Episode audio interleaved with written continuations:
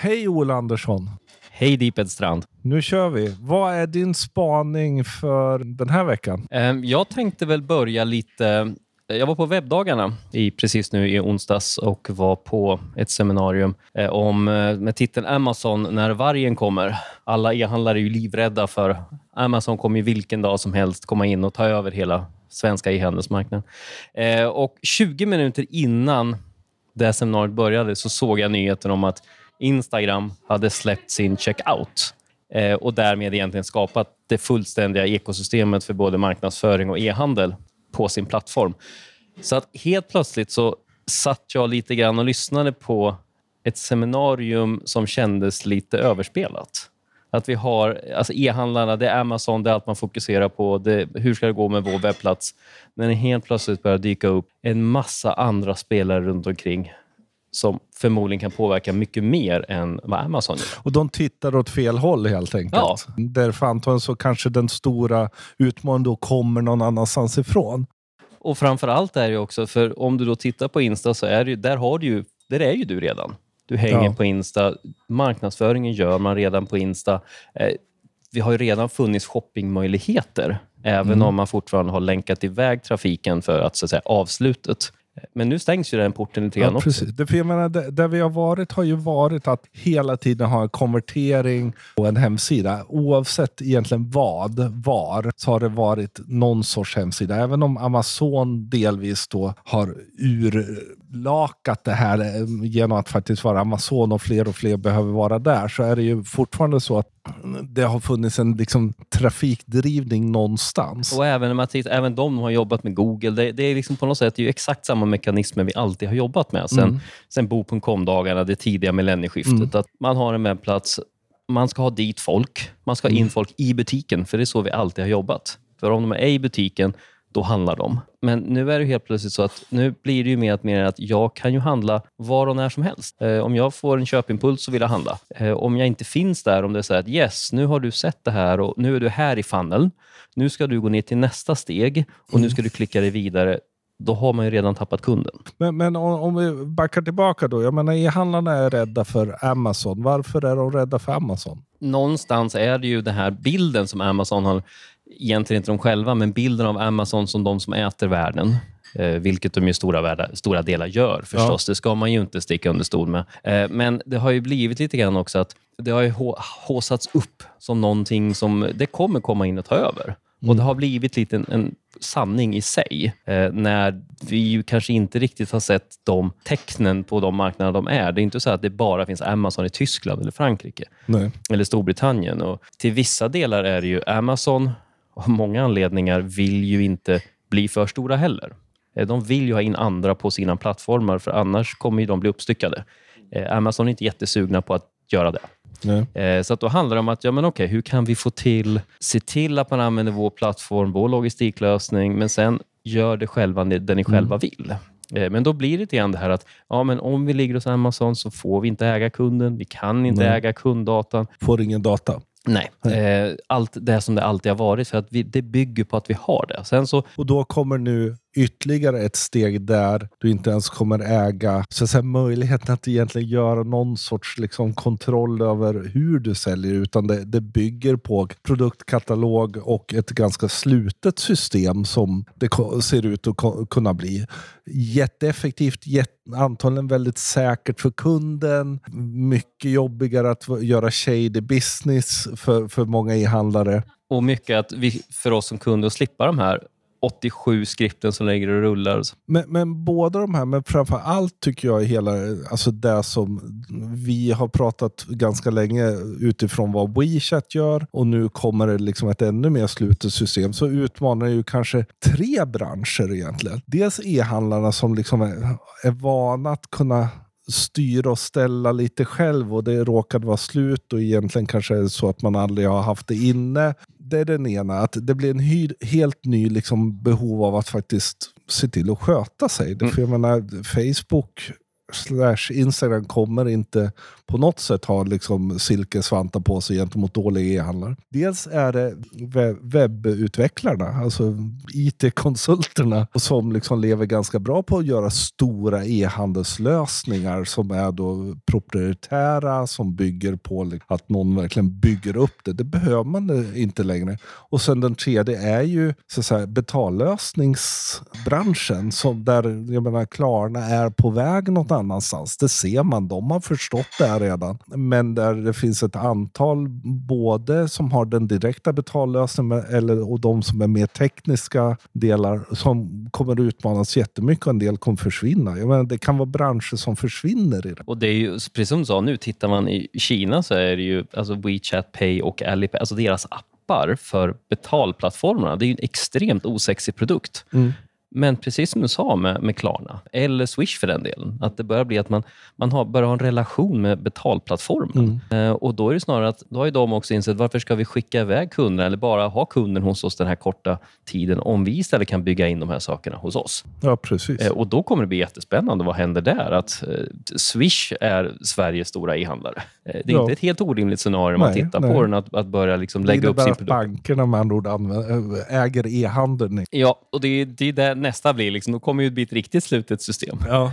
Eller så kan det också bli som vi sa nu, att för tittar man på dem, så om du kollar på de europeiska betalspelarna, nu är ju Insta Facebook, men vi har ju Apple, vi har ju Google. Eh, även där kan det bli hela ekosystemet, liksom fullständiga e-handeln mm. eh, som ligger där. Det känns lite grann som att det här har ju både Google och Facebook har kunnat göra det här länge. Det är inte så att det här är Nej. någonting man kommer på nu. De har ju kunnat sluta loopen för länge sedan, men fortfarande har det varit så att man har haft någon form av kontrakt som är att vi, de skickar ändå trafiken till webbplatserna i slutet. Företagen får sina kunder till sig och kan konvertera och allting.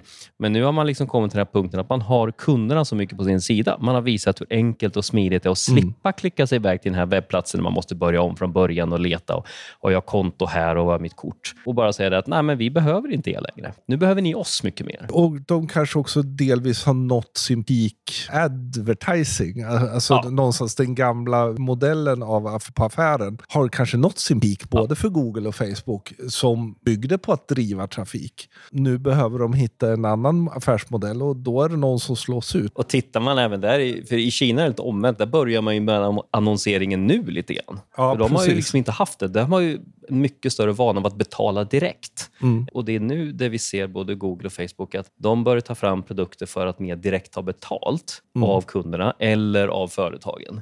Eh, och tittar man då att när du börjar ha en, en betalplattform Dels så kommer de nu vad det verkar ta ut någon form av säljavgift av de som verkar på plattformen.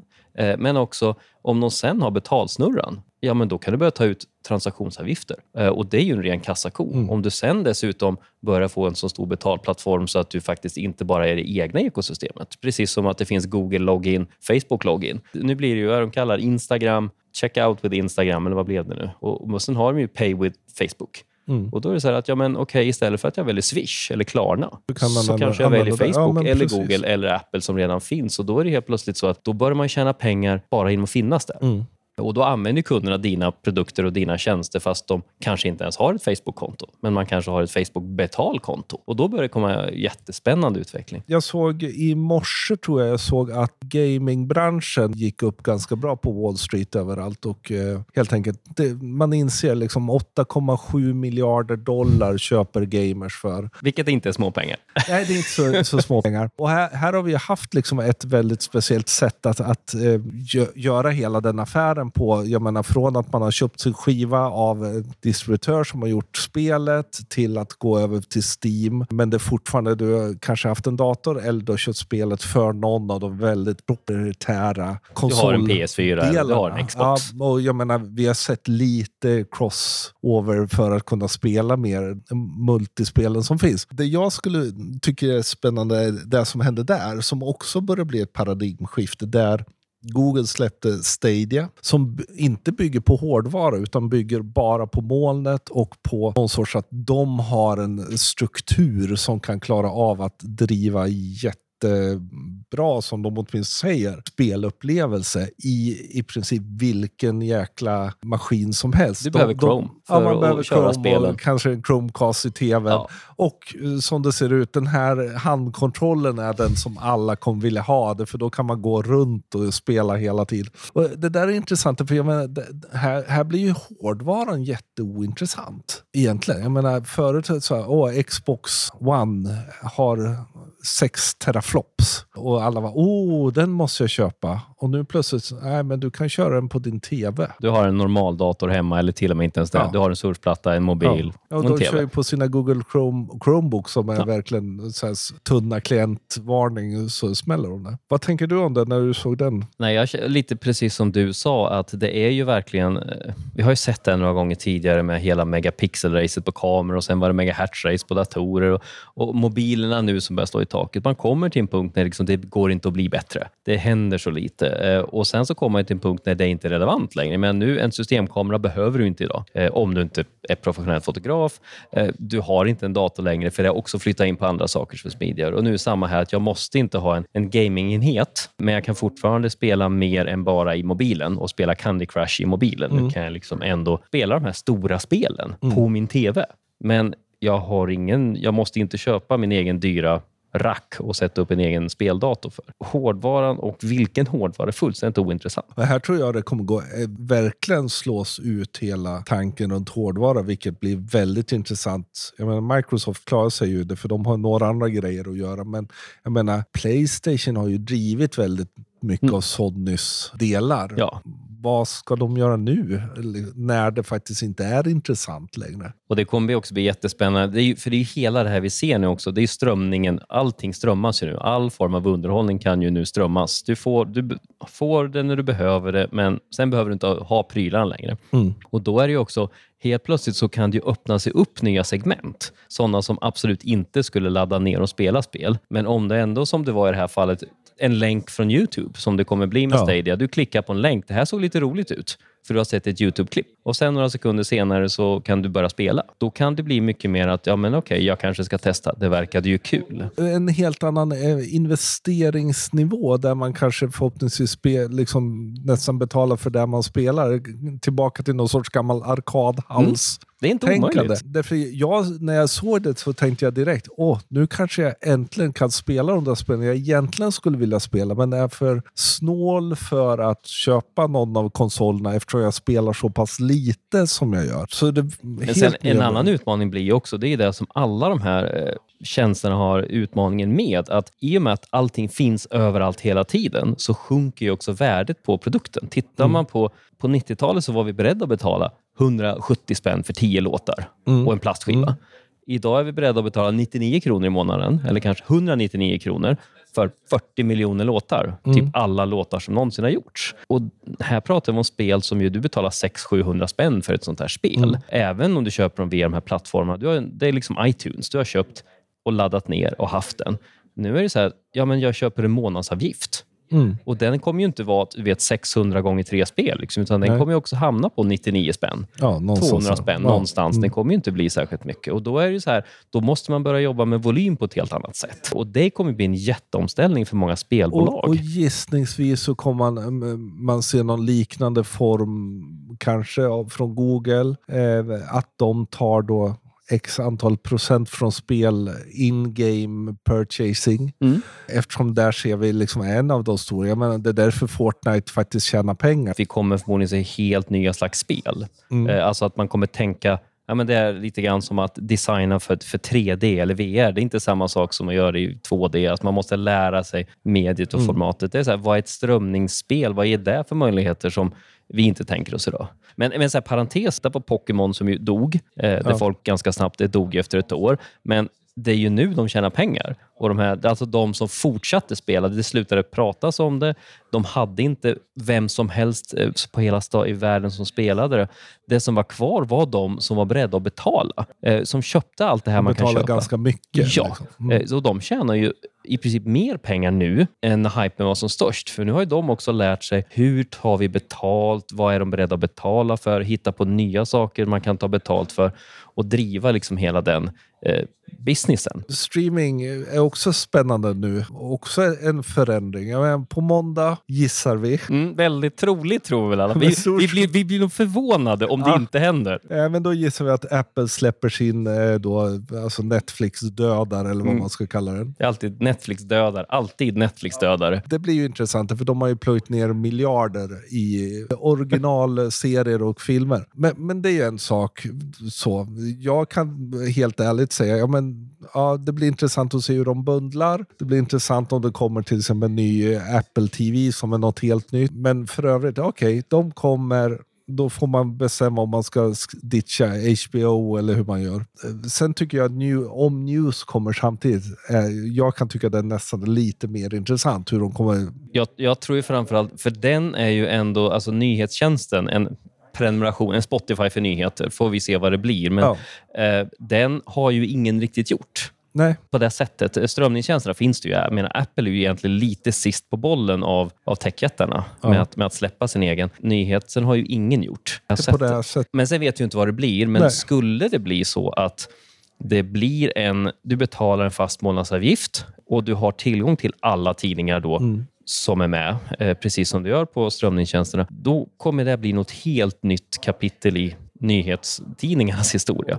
Jag tycker bundlingen kan vara intressant. För om, om vi skulle ponera att de säger okej, okay, ni köper för x antal hundra kronor i månaden. Så har ni streamingtjänsten, ni har eh, eh, Apple Music, ni har News, ni har iCloud i då plötsligt så, så blir det tungt för ganska många. Ja. För jag då kommer Spotify, de, håll, de är liksom Pewdiepie, de håller sig över ytan men jag menar, det ligger där bakom och puttrar Apple Music. Alla de här, och det är inte bara Apple, det är även Google och Amazon de stora, de kan ju blöda sönder de andra för att jag är helt övertygad om att de kommer gå back på rätt många av de här tjänsterna. Eh, men det är mindre viktigt. Eh, för att alltså, på total... Apple går aldrig Nej, det är väl så här, de, är typ, de, de, lyckas ju alltid på något sätt, men, men de kan ju blöda ihjäl om de skulle vilja om konkurrensen. Vill, ja. eh, och Det kan ju inte Spotify, men Spotify går ju knappt med vinst. Nej, de har ju blött sen ja. de... Eh, och, och De har ju egentligen bara det benet att stå på. De försöker, men mm. de är ju en distributör av det.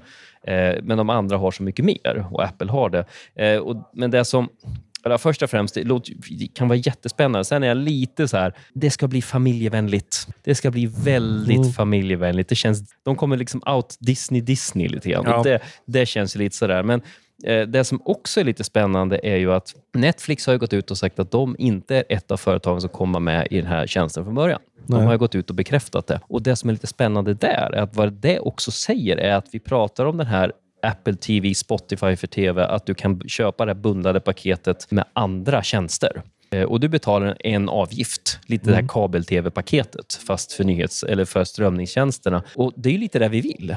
För jag vill säga, okej, okay, går den här serien på HBO, här det gick på Hulu, Ah, ja. men, ah, skitsamma, orkar inte. För då blir det en till och det är kanske bara den serien jag vill se. Mm. Eh, då menar jag så jag, det är lite grann som hårdvaran vi pratar om, operativet. Jag vill inte veta, behöva bry mig om vilken strömningstjänst den här går. Nej. Netflix har varit jättebra på att veta att det här är Netflix. Men det är ju inte så att om vi fick välja mellan att ha allting eller att ha Netflix, så hade de flesta sagt ja men allting är väl bättre. Det blir lite instinktivt så. Mm. Och sen eh, Tyvärr är det ju även så att om det nu skulle bli så att de paketerar ihop allting, lite Amazon håller, ihop, håller på med med sitt Prime-paket, så ska man vara lite krass så är musiktjänsterna är ju extremt utbytbara. Mm. Det är 40 miljoner låtar ungefär. Ja, det är bara funktioner som är Det är funktioner som skiljer. Strömningstjänsterna är ju mycket är ju som tydligen så att de har ju slagit som vänner, vilket ju är jättefascinerande 2019. Att vem ska få sända vänner?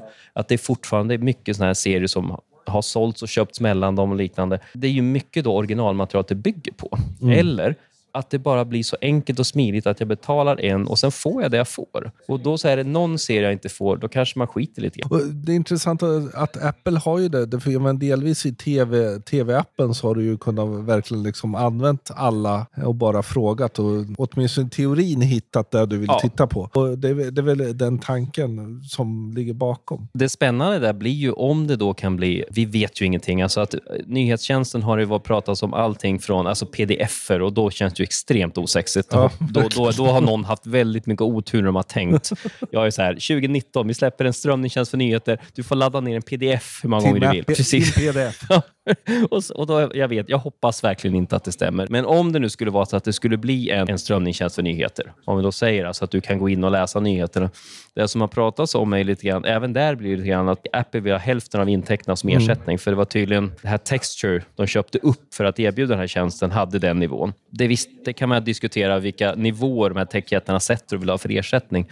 Men om vi nu säger att de, de vill ha en ersättning, det kommer de ju få och att den skulle baseras lite grann som musiklyssning, alltså på tid. Hur mycket du lyssnar på den här artisten och alltså hur mycket du läser den här tidningens artiklar. Det som skulle bli spännande då är att då skulle ju det mer prata om att du måste även där fånga, precis som Facebook, fånga kunderna och få dem att stanna kvar. Det är inte clickbait-nyheter vi pratar om då, för då klickar du in, läser två rader Ja, därifrån. Utan då är det ju mer långa artiklar. Ja.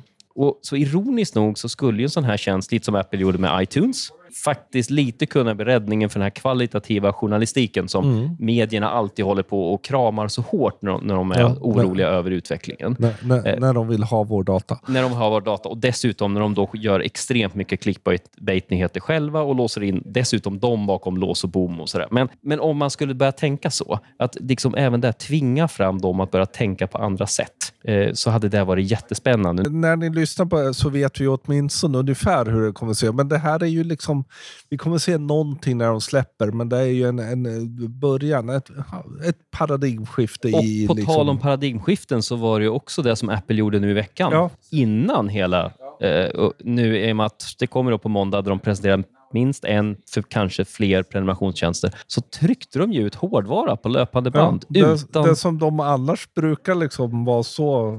One More Thing. De släppte One More Thing fyra gånger förra veckan. Ja, just nu i ett läge där hårdvara inte är så Nej. intressant. Och att hårdvaran lite grann, för om tittar man så, det kom ju en, en som vi, sa, vi pratade om tidigare, en iPad Mini. Ja. En modell som jag trodde hade dött. Ja, precis. Eh, kom efter, vet inte, två år, nej, tre år när Ja, det förra kom. mer, det är ja, mer. Tre, Ja. fyra år kanske.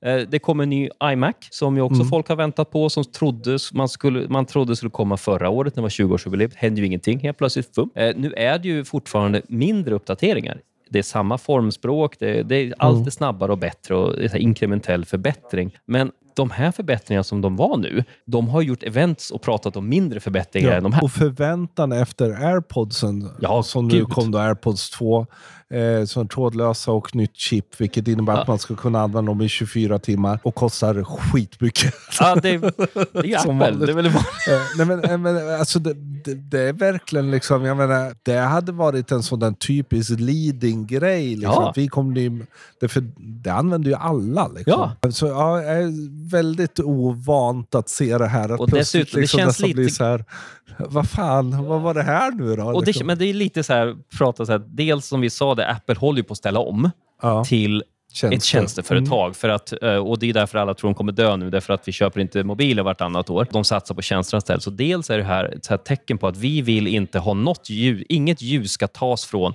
de här tjänsterna som kommer på måndag. Nej. Ingen hårdvara, inget annat får störa och liksom brusa ner tillvaron. Men sen också att vad de har släppt nu, alla de här enheterna är ju krasst talat sätt att konsumera underhållning på. Verkligen, okej, nu har ni en uppdaterad park också så att ni faktiskt inte har någon ursäkt. iPad Mini bara en sån här liten bonus som jag tänkte på här nu. Det är ju någonstans att det, det är också intressant att Apple har till och med flaggat att de inte kommer med någon foldable förrän kanske om ett par år. Liksom alla, ja nu är de döda. eh, Igen. men men det, det de ändå gjorde var att de gav den där, för iPad Mini är ju för väldigt många den där perfekta Ja, storleken på någonting att ha med sig, vilket fo- alla folding-telefoner i princip är som iPad Minis. när de släppte iPaden första gången så var det så att ja, men de måste släppa en Ultrabook. Book. Ni måste släppa en Ultrabook. Det här var innan de hade kommit Mm. Ja, med Mac ja. Mini. Och, de här. och Apple de kommer inte släppa någon Ultrabook. De kommer utkonkurrerade och dö för att en Ultrabook det måste vara en jättelätt, så här, Ja. mittemellan och allting. Och Apple sa att ja, nej, det ska vi nog inte. Varpå de istället släppte iPaden och skapade ett helt nytt produktsegment Mm. och dödade Ultrabooken.